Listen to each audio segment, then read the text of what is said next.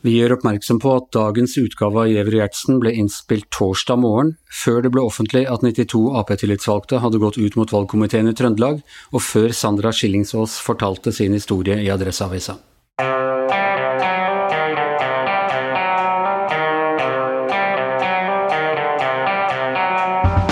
Ikke visste jeg at alle disse dagene som kom og gikk, det var selve uke 35. Og det holdt nesten på å ikke bli noe uke 35, holdt jeg på å si, Thomas Gjertsen? Nei, det var en litt brå start på dagen for mitt vedkommende. Ja, du rett og slett uh, forsov deg eller hadde sett feil på kalenderen eller uh, et eller annet sånt? Altså Det som skjedde, var jo at du spurte meg kan vi bytte opptakstid fra klokken ett til klokken ni. Og det får Jeg spurte i god tid. Det er helt riktig. Og så sa jeg ja, og så tenkte jeg da må jeg bare passe på å gi beskjed til alle andre møter og omorganisere litt på jobben. For det er ikke sånn at du bare driver med denne podkasten? Nei. Og så glemte jeg det i farta, for dette avtalte vi i bil eller et eller annet. Og så øh, hadde jeg tenkt at i dag har vi podkast klokken ett, for det var det det sto i kalenderen. For jeg glemte hele den, den øvelsen, og dermed så øh, Dermed Og det var litt sånn skolesituasjon, føler jeg, for uh, dette pleier jo ikke, men i dag gikk jeg innom, for så tenkte jeg, Thomas og jeg kan ta følge til podkasten i dag, for jeg bor ikke så langt unna hverandre. Og så ringer jeg på døra og spør om kommer, kommer Thomas, og så kommer kona di ut med barn og hund og i det hele tatt og sier at uh, Thomas ligger og sover, han. Og da var klokka halv ni, og vi skulle møte Hadia Tajik klokka ni! så da nå, fikk jeg litt det nå. Jeg liker så dårlig med dette her, er at hvis man Det skal ikke mer enn én sånn hendelse til, og at den blir snakket om, ja. så er man for evig og alltid en rotekopp. Ja. Skjønner du? Hvis du pissa på deg i skolegården én gang, så er du han som pisser på deg. Ja, Enda du bare har gjort det én gang. Kan den vitsen om han med sauen, vet du. Ja, det er nettopp det. så nå jeg skjønner at jeg nå Det nytter ikke, det er ikke noe vits i å forsvare seg. Jeg skal si at du er et av de mer ordentlige menneskene jeg har vært borti med å håndtere avtaler og, og sånne ting. Så dette er bare en utlegger, eh, som man sier og vi setter en strek over det. Du er veldig grei, Anders. Tusen takk skal du ha. Og nå er vi her. Og vi er faktisk ikke forsinket. Vi er ikke forsinket, vi er helt presis, og vi har en spennende gjest. Eh, nemlig Hadia Tajik, nestleder i Arbeiderpartiet. Det passer veldig bra akkurat denne uken. Så velkommen, eh, Hadia Tajik. Gratulerer med Tangen-saken. Eh, jo takk. Rar ting å bli gratulert med, men, men takk. Ja, du, du, føler at dette er en politisk seier, gjør du ikke det? Jeg tror i hvert fall at det er et uh, veldig godt eksempel på godt demokratisk arbeid. Og jeg er glad for at uh, vi klarte å stå sammen på tvers av partiene om det som tross alt har vært en ganske krevende sak i mange måneder. Ja.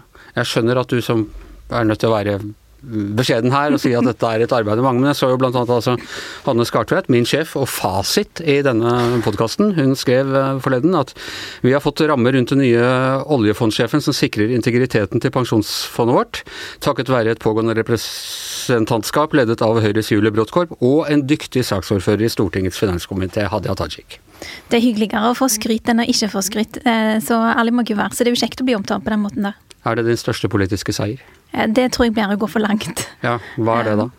Eh, jeg syns det er vanskelig å rangere, men en av de tingene som virkelig betydde ganske mye for meg, eh, det skjedde så langt tilbake som i jeg tror det var 2008. Eller 2007. Og det handla om arbeidet mot tvangsekteskap i Stoltenberg II-regjeringa. Um, og da uh, var det mye diskusjon om hva slags tiltak er det egentlig som trenger penger nå. Hvor er det vi må sette av innsatsen? Uh, og da argumenterte jeg inn jeg tror det var 20 millioner kroner til bo- og behandlingstilbud for uh, unge som bryter med familien. og de som har vokst opp med sterk sosial kontroll. Um, de trenger tettere oppfølging når de bryter med familien, for de har aldri klart seg på egen hånd før. De har aldri hatt et selvstendig liv før. så det å ha et ordentlig tilbud til de var viktig. Um, Ok, er jeg, er enig med deg i den vurderingen. det er jeg enig i. Tangen-saken kommer litt, uh, litt men, men, du, en ting jeg lurte på i forbindelse med Tangen-saken. Fordi du er jo Arbeiderpartipolitiker, og så er du jurist, ikke sant? Ja. Og her er en liten nøtt. Hvis en bedrift eh, har ansatt eh, en til å lede en del av bedriften, og så kommer eieren i bedriften og sier at eh, Vel, vi vil ikke ha vedkommende. Eh, hvordan løser du det da? Ja, Eh, nå var det heldigvis ikke det som skjedde i Tangen-saken, fordi eieren av bedriften, på sett og vis, altså folket, representert ved Stortinget, eh, kan jo ikke gå inn og si 'vi vil ikke ha den personen'. Men det Stortinget kunne si, eh, og som eieren her sikkert òg kunne sagt i det hypotetiske eksempelet, er dette er rammene for ansettelsen. Dette er eh, altså betingelsene som den som leder denne bedriften må forholde seg til. Eh, og det gjelder uansett om du er Jørgen Hattemaker eller kong Salomon. De hadde jo signert en avtale. Så du mener at den ikke var juridisk bindende, er det sånn? Litt av utfordringen med ansettelsesprosessen i seg sjøl er jo at, som både representantskapet og Stortinget har påpekt, at det var flere sider ved den som var kritikkverdig. Eh, den var lite tillitsvekkende, men òg i strid med bankens egne regler knytta til etikk. Altså hva slags bindinger man kan ha, hva slags interessekonflikter man kan ha.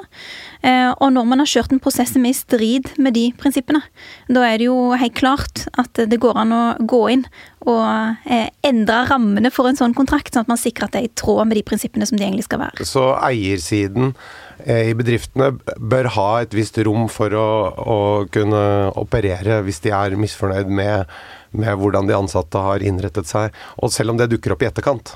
Det fins selvfølgelig et visst rom. Det rommet må være innenfor rimelighetens grenser.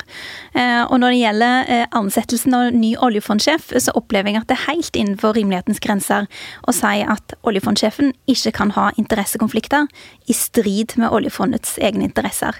Det så selv om arbeidsgiver, så, så du, du, du, klandrer ikke arbeidsgiversiden noen ting her? Altså, det, det var i hvert fall ingenting grenseoverskridende med de kravene som eier, altså det norske folk, representert ved Stortinget, stilt i denne saken her. Dette står jeg fullt og helt inne for. Så da er det litt forskjell på Jørgen Hattemaker og Kong Nei, det er forskjell på ulike verv og posisjoner, eh, ikke hvem som innehar de. Altså Hvis Jørgen Hattemaker kvalifiserer til å være eh, sjef for oljefondet, så er det akkurat de samme reglene som gjelder for Jørgen Hattemaker som okay. for kong Salomon. Det vel, ligger vel i stakkars Jørgen Hattemakers natur at han kvalifiserer ikke for å være sjef for uh, oljefondet. Det da. kan jo hende at han gjør det, men at han uh, aldri blir sett. Hvem vet? Da står han ikke og svarer. uh, du, uh, forleden så var Jonas Gahr Støre, din partileder, i Tromsø, var det vel, og holdt et foredrag hvor han sa den litt, altså jeg må si til han, litt aggressive meldinga til han å være. høres mer ut som George W. Bush. Er, enten er dere med oss, eller så er dere mot oss. Hvem var han han snakka til da? Altså, jeg var ikke i Tromsø eh, når han holdt denne talen. Um, og jeg har jo sett at han i ettertid har presisert at uh, dette handler om at uh, når vi nå nærmer oss et valg, så er det politikken vi skal ha fokus på. Ja. Uh, og at det er vår alles oppgave å bidra til, til det. Og det ja. er jeg jo helt enig med han i. Men hvis jeg, hvis jeg sier nå i podkaststudioet her at nå er det podkast, nå må vi slutte å drikke alkohol. Da får man inntrykk av at det er noen her som drikker alkohol, er det ikke ja. det? Det hadde ikke vært noe vits å si det ellers. Alkohol? Nei, jeg har ikke det. Heller... Det er bare håndsprit. Det er derfor det lukter. Jo, men når han da sier, at, sier dette, så det jo, må det jo være fordi det er en ukultur i partiet hvor noen uh, setter sine egne agendaer uh, høyere enn en politikken. Altså, La oss ha litt sjølinnsikt her. Det har jo vært noen avisoppslag om Arbeiderpartiet som ikke bare handler om politikk. Ja. Så jeg kan jo se hvor frustrasjonen til Jonas eh, kom ifra. Men som sagt, jeg var ikke i Tromsø, så jeg har ikke hørt helheten i talen. Og min erfaring er at det hender jo at de utdragene som havner på trykk i avisa, ikke alltid representerer helheten i det du sa. Nei, og det, det hevder han på, på Twitter. Men jeg får, jeg får, liksom ikke tak i hva han mener. Har, har du diskutert dette med han? Du er jo nestleder. Uh, han er jo på reise, så vi har ikke fått uh, diskutert. Og du visste ikke at han skulle si dette? um, uh, nei, jeg visste at han var i Tromsø, og at han hadde flere ting på agendaen. Um, men ikke dette? Det, det, er jo ikke heller naturlig at partilederen ringer til nestlederne sine og, og leser opp talen han skal holde på forhånd. Nei, så. men du er nestleder. Dere diskuterer vel hva som er viktig i partiet, hva dere nå må få en slutt på, og hva dere må fokusere på. Og da lurer jeg på, hva er det dette handler om? Hva er, det, hva er det dere diskuterer som har vært et problem? Hvem er det som har slutta å sette seg selv foran politikken? Jeg opplever at Jonas eh, sitt utsagn er generelt, eh, og at det bunner i en frustrasjon over at vi over lengre tid har sett at eh, oppmerksomheten om Arbeiderpartiet har handla om andre ting enn politikk. Og det er et felles ansvar vi har, å sørge for at det er politikk det handler om. Og da har jeg, i hvert fall som utenforstående, oppfattet at det handler om Giske-saken. Mm. Er det feil eller riktig? Eh, Jonas sier jo på Twitter at det ikke handler om årsmøtet i eh, Trøndelag. Eh, jeg skjønner jo at eh, timingen gjør at man tenker det, siden det liksom, talen skjedde for kort tid siden og årsmøtet er om kort tid. Men jeg legger jo til grunn det Jonas sier. Men nå, er det jo en rekke saker. altså Det er hun Reitan, tidligere leder for AUF i Trøndelag, var på politisk kvarter torsdag morgen øh, og, og, skrev også et innlegg i, i Trønderdebatt hvor hun sier, øh, skriver om en ukultur i, i, partiet, hvor unge jenter må øh, få beskjed om at de ikke må drikke i baren sammen med den og den tillitsvalgte, og etterpå beskjed om å stemme på og sånn. Og hun sier at Giske ikke må få makt. Og det er også hva vel hans tidligere statssekretær sier at hun, hun skal ikke legge seg opp i hva de sier i, i Trøndelag. Eh, eller hva de bestemmer i Trøndelag, men hun mener at Giske ikke er eh, moden for eh, nye tillitsverv. Dette må jo være eksempler på at man tar opp ting som, hvor Jonas sier at du må enten være med eller mot, eller er det Jeg syns det er veldig sterkt å lese det Ellen Reitan har skrevet. Ehm, det er en beskrivelse av en kultur som jeg vil ta helt og fullstendig avstand ifra. Og jeg vil gjerne bidra til å endre eksempler på den type organisasjonskultur. Jeg vil at Arbeiderpartiet skal være et åpent og inkluderende og trygt sted for folk å være, og at folk syns det er kjekt å være der, at de har lyst til å være der. Eh, og når eh, jenter eller gutter forteller eh, den type erfaringer som Ellen Reitan deler, så mener jeg at vi er forplikta til å ta det på alvor. Så er det jo sånn at det er årsmøte i Trøndelag nå på lørdag. Det er mye diskusjon, særlig om ledervalget deres, og de har en enstemmig valgkomitéinnstilling. Eh, Trøndelag velger jo sine ledere sjøl. Eh, samtidig er det jo òg sånn at alle personvalg er jo òg verdivalg. Fordi alle personer står for noen verdier. Eh, og det må vi som stiller til valg òg tåle å bli konfrontert med, og tåle at blir diskutert. Og det er sunt og godt òg for demokrati at når det er snakk om sentrale verv som skal bli bekledd, at man òg har en åpen og ærlig diskusjon om eh, hva slags verdier ønsker man at skal representere oss inn i et nytt eh, tiår. Så det er greit med persondiskusjoner nå? Altså Det er tid og sted for alt, men det å diskutere personer helt konkret knytta til verv som de skal bekle, det er en del av demokratiet. Og det opplever jeg at Jonas òg er ganske tydelig på. For en tid tilbake så oppfattet jeg at Arbeiderpartiet og ledelsen anså seg som nå ferdig med Giske-saken. Nå har vi på en måte tatt et oppgjør med dette her. Og vi har gitt de sanksjonene som partiet skal gi. Og så kommer han da ut nå og sier at nå må vi Nå er det de som ikke er med oss, er mot oss. Kan du skjønne at det da virker som at det er en uoverensstemmelse mellom ledelsen på den ene siden og disse som skriver disse innleggene i avisen nå? Eh, altså Det er jo selvfølgelig fristende å bie seg ut på en sånn tekstanalyse inn i dette her, men uh, Trenger ikke sånn, sånn dyp, dyp analyse på det. det. det. er sånn det ser ut. Er det helt feil? Misforstår jeg fullstendig? De som tar opp um, maktmisbruk eller seksuell trakassering, uh, eller i det hele tatt ugreie forhold i vår organisasjon, har, uh, jeg er helt sikker på, hele partiledelsens fulle støtte. Fordi eh, altså, jeg ønsker meg jo en partiorganisasjon der folk tør å si fra. Fordi det å være lojal til en organisasjon er ikke å være taus eller å se en annen vei hvis man ser at det er noe galt som skjer, eh, men at man faktisk eh, våger å være en sånn som melder fra, og at man da opplever å bli tatt på alvor. Men det at det nå er så mange eh, som har så sterke følelser og argumenter og erfaringer knyttet til dette her, betyr ikke det at dere ikke har ryddet opp på en ordentlig måte? Det betyr i hvert fall at det er behov for å gjøre mer. Um, når det er så tydelige stemmer, um, Ellen Reitan er en av de, det er flere som har skrevet innlegg, kanskje særlig fra Trøndelag den siste tida. Uh, men vi vet jo at det er stemmer fra hele landet som er opptatt av uh, å ta et oppgjør med maktmisbruk. Og igjen, la oss være ærlige, Arbeiderpartiet er en organisasjon der det fins mye makt, der det fins vei til makt, fordi det er en organisasjon som har forvalta mye makt i det norske samfunnet. Uh, og det pålegger oss et ekstra stort ansvar å være bevisst um, de strukturene da, som kan gjøre at noen blir veldig veldig mektige og kan komme til å misbruke den posisjonen overfor folk som egentlig bare har lyst til å gjøre en politisk jobb, lyst til å bli sett, lyst til å bli anerkjent. Um, og sånn kan vi ikke ha det. Syns du at Trond Giske uh, burde stille til valg, eller syns du at han burde uh, trekke tilbake fordi han da setter, ikke bør sette sine personlige politiske ambisjoner uh, foran partiets? Jeg er opptatt av å ta en konstruktiv rolle i disse diskusjonene her. Og eh, jeg har erfart at eh, mine bidrag i den type diskusjon ikke alltid blir tolka eller forstått som et konstruktivt bidrag. Eh, og det gjør jo at jeg, tenk, jeg, tenker at det vil tjene saken og diskusjonen om hva slags organisasjonskultur vi vil ha i vårt parti, at jeg ikke er altfor aktiv deltakende i den. Ja.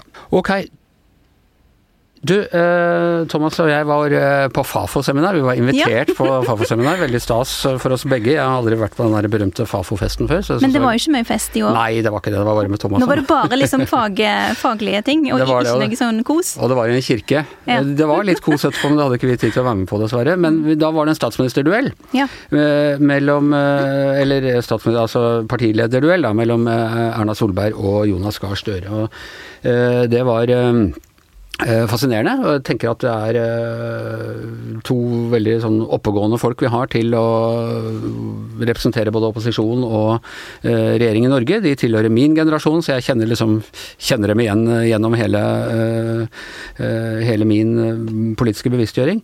Men vi var jo enige om at de mener jo omtrent akkurat det samme. Eh, det altså, går i, i, i, arbeid og velferd og inkluderende arbeidsliv og integrering og Sosial utjevning. Altså Erna snakker veldig mye om alle de tingene som jeg opplever at Arbeiderpartiet har eh, snakket om tidligere. Og som har vært mindre snakk om kanskje fra Høyre. Dette er bare min eh, fra, Helt fra bakerst på folketribunen, vi som stemmer. Eh, hvordan, hva tenker du om dette? Når det gjelder skolepolitikk, eh, så eh, er det ganske mange likheter mellom Høyre og Arbeiderpartiet. Altså F.eks. betydningen av det å ha et læringstrykk. Altså at ungene får tett faglig oppfølging ganske tidlig. At de skal lære å skrive og regne og eh, altså ha de grunnleggende ferdighetene på plass, og at de skal følges tett opp. Så liksom den, den delen av det skiller vi oss ikke så veldig på, og det kan godt hende at det viste òg i den debatten. Det var, ikke, det var ikke det egentlig hovedsakelig? Nei, det var, det var mer, Mye mer overordnet, okay. ikke så detaljert. Altså, eh, inntektsutjevning eh, Altså alle sånne Inkluderende arbeidsliv. Ja. Jeg skjønner. Vi kan godt ta det òg, men når det gjelder skole, da, bare for, bare for å ha tatt det ferdig. Eh, to eksempler på, på hvordan vi skiller oss fra Høyre likevel, er at de har jo åpna opp enormt mange private skoler. Altså, Det har aldri vært så mange privatskoler i dette landet som det det er nå.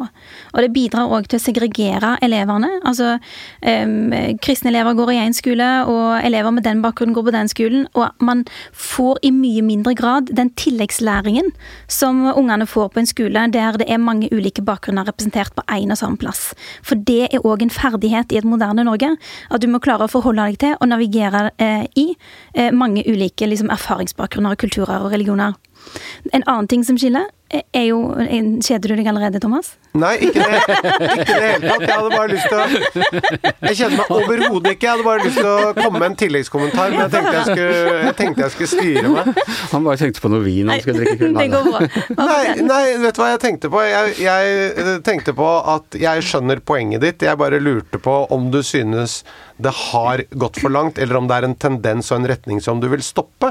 Fordi mm. jeg opplever jo at det er ganske mange skoler i Norge hvor det there er representert veldig mange med ulik bakgrunn. Så dette er jo noe som folk snakker om hele tiden, hvor mm. mye ulike bakgrunner det er på skolene, og utfordringer knyttet ja. til det, naturlig nok. Men, men, men, det er ikke sånn at jeg opplever at nei, det, det fins ikke folk med ulik bakgrunn på Det stemmer ikke med min virkelighetsoppfatning. Nei, og i hvert fall ikke her i Oslo. Men det er klart at eh, reiser du litt ut eh, av hovedstaden, så får det at det popper opp mange private skoler, det kan få ganske store konsekvenser for små plasser. Der jeg kommer ifra sjøl, så har det de siste åra, og det er en ganske liten plass, jeg kommer fra Bjøringsbygd i Strand kommune. Eh, og i Strand kommune har det kommet eh, to nye kristne private skoler som, eh, hvis jeg husker riktig, har fått godkjent nesten 500 elevplasser til sammen. Det er ganske mye på en så liten plass. Okay. Og at det gjør noe med hele lokalsamfunnet, det er det ingen tvil om. Men det er, det, er, ja, altså det er, noen sånne forskjeller, men i bunn og grunn, altså begge altså Både Jonas og, Eller altså Jens Stoltenberg selv gikk jo på privatskole, og altså det er jo ikke sånn at dette er Han gikk på litt annen type privatskole da, han gikk på Steinerskolen, som ja, er et pedagogisk alternativ, og ikke kan, Vi kan godt ta en diskusjon ja. om Steinerskolen her, men Jeg kan bare fortelle at uh, det er nok litt ulik sammensetning med tanke på kulturell bakgrunn. eh, på Steinerskolen enn offentlig skole. Det tror jeg ikke er likt. Jeg tror du har rett i det, men eh, det vi i hvert fall har sett, er at de pedagogiske alternativene har bidratt til at fellesskolen har måttet tenke nytt. F.eks. tilpassa opplæring er, er kommet mye inspirasjon fra Montessori-skolen sitt arbeid. Eh, men hva religiøse private skoler bidrar med inn i fellesskolen, det er jeg litt mer i tvil om. Men uh, igjen bare tilbake til det, det, Poenget her var Nå, nå forsvant vi inn i detaljene, ja. og du lurte oss. Det er imponerende. ja. Spinner oss her så Nettopp, du, trådsneller. Altså. Du klarte det, og det må du bare få for. Du er god. Men det var ikke poenget. Poenget er at det overordnet, de store overordnede sakene, så virker det som om det er stor enighet. Mm. Vi nevnte ikke skole, men du klarte å få det til å handle om det. Og du klarte å lokke meg utpå masse detaljer, til og med om Steinerskolen. Så gratulerer. Men eh, nå må vi tilbake igjen okay. til det som var poenget, og som vi hadde satt av tid til å prate om. La oss ta noen konkrete spørsmål. Vil eh, Arbeiderpartiet bruke mindre, mindre offentlige midler enn eh, regjeringen nå? Denne regjeringen bruker mer penger enn noen regjering noensinne har brukt. Dere vil øke skattene da, kanskje? De rikeste må betale mer med Arbeiderpartiet. Hvor men, rike er de rikeste? Eh, men vanlige folk eh, skal ikke regne med å måtte betale noe mer. Har, ikke har, Jørgen Hattemaker? nei, ikke Jørgen Hattemaker. Um, men det vi har foreslått i våre alternative budsjetter, så de er jo liksom, de er offentlig tilgjengelige, alle kan se dem, vi har vært veldig konsistente på dette, her, det er at har du en inntekt over 700 000 kroner, så må du regne med at du betaler noe mer i skatt. Men har du inntekt under 700 000 kroner, så må du regne med at eh, du betaler noe mindre i skatt. Det er ganske mange som tjener over 700 000 da. Og det er ganske mange som tjener under det òg. Ja. Og hvem ja, ja. vil du være et lag for, Nei, det er hyggelig, hyggelig, for dem selvfølgelig at de ikke skal betale mer i skatt, men, eh, men uh, å gå til valg på løftet om at folk som tjener over 700 000 skal betale mer i skatt, tror du det er en vinner? Jeg tror at folk er opptatt av hva de får for de pengene, og noe av det de vil få, er jo f.eks. at de tingene som er viktige for oss alle sammen i våre liv, altså velferdstilbudet, det er jo noe av det som vi kommer til å styrke. For eksempel så betyr det at det vil være mer Arbeiderpartiet billigere å ha unger i barnehagen. Og det er en sånn ting, du, Man må på en måte gjøre en avveining. Hva er det som er viktigst til syvende og sist? Er det eh, det å ha et godt velferdstilbud til alle sammen? At vi klarer å løfte alle og gjøre Norge til et sterkt og godt og trygt land for alle sammen? Eh, eller er det liksom helt individuelle selvrealiseringsprosjekter som er det sentrale? Tror du det er det som er det sentrale for Høyre? Altså, det får de på en måte svare litt på sjøl. Men til syvende og sist er det det som har blitt konsekvensen av politikken deres. De har svekka fellesskapene. Eh, de har eh, kutta eh, i formuesskatten, som er den mest treffsikre skatten man har, for at det er de som har mest penger, som betaler mest. Samtidig som de har kutta til de som har minst samtidig. Altså de har kutta i brillestøtten til unger, kutta i tannreguleringsstøtten til unger. De har kutta i arbeidsavklaringspengene. De har fjerna feriepengene for de som har dagpenger. Altså sånn, de har på den ene siden gitt penger til de som har mye penger fra før av, altså virkelig kasta penger etter kakser, og så har de tatt penger og velferd fra de som i utgangspunktet hadde lite. Det er klart det øker forskjellene mellom folk. Men du kaster penger etter kakser, det blir feil. De kaster ikke penger etter noen, de bare tar inn litt mindre fra det. Men det er forskjell på å kaste etter noen og ta, kreve mindre. Nei, eller vi gi et eksempel der jeg mener at de faktisk kaster penger etter kakser. Ja. Og det er ved kjøp av dyre elbiler da kaster du penger etter kaksa. Nei, du, fjer, du, tar bare ikke inn avgiftene. Det er ikke å kaste penger etter. Jo, men eh, Nettopp det at staten sier at eh, hei, folkens, eh, vi kan ta, vi kan ta hele momsutgiften på den dyre elbilen til 1 million som du har tenkt å kjøpe. Vær så god, gratulerer med dagen. Ha hele momsutgiften, eller la være å kreve den inn. Ja, eller at vi tar, altså, vi tar belastningen for den momsutgiften som, som du ellers ville måttet betale. Den som vi vanligvis tar, den tar vi ikke. Ja. Nettopp. Og hvis man hadde valgt å si at de som har mye penger, og som kjøper den dyre elbilen, heller hadde betalt for det Altså, altså hvis du kjøper en elbil altså, over 600 000 kroner, da, at du betaler for momsen over det beløpet sjøl. For når du kjøper en så dyr bil, så har du faktisk råd til det. Og da kan man bruke de pengene på andre ting. Jeg er, jeg er helt enig med deg at det har vært gitt rabatter osv., men det er noe annet bare sånn i betydningen for meg å kaste penger etter. Det, det, da syns jeg du er over i reklamens jo, dette, språk, og her syns jeg du jukser litt. Nei, men altså, dette er ekte penger, sant? Hvis man ja, gjort, jeg er helt enig i det. Det er bare rabatt. Men hvis man, hvis man, hadde gjort det som jeg foreslår, da, så ville jo eh, fellesskapet Norge spart nesten 400 100 millioner kroner. Ja. Og det kunne man heller brukt på å bygge eh, ladestasjoner i distriktene, ladestasjoner i borettslagene. Flere kunne kjøpt elbil. Det hadde vært mye bedre bruk av penger du, enn å eh, kaste de etter kaksene. Du skal ha barn eh, ganske snart, holdt jeg på å si. Ja, det er lenge til. Det er, det er en stund til. I januar. Begynnelsen av januar. Mm. Eh, og det er jo i et veldig avgjørende eh, stortingsvalgår. Eh, skal du da drive valgkamp i eh, mammapermisjonen? Altså, jeg har lært at eh, ingen er uerstattelig. ja. og at vi alle må være takknemlige for de vervene vi har. Så jeg er veldig takknemlig for det vervet jeg har, eh, så lenge jeg har det. Eh, og jeg kommer jo til å ha litt permisjon. Det gleder jeg meg veldig til.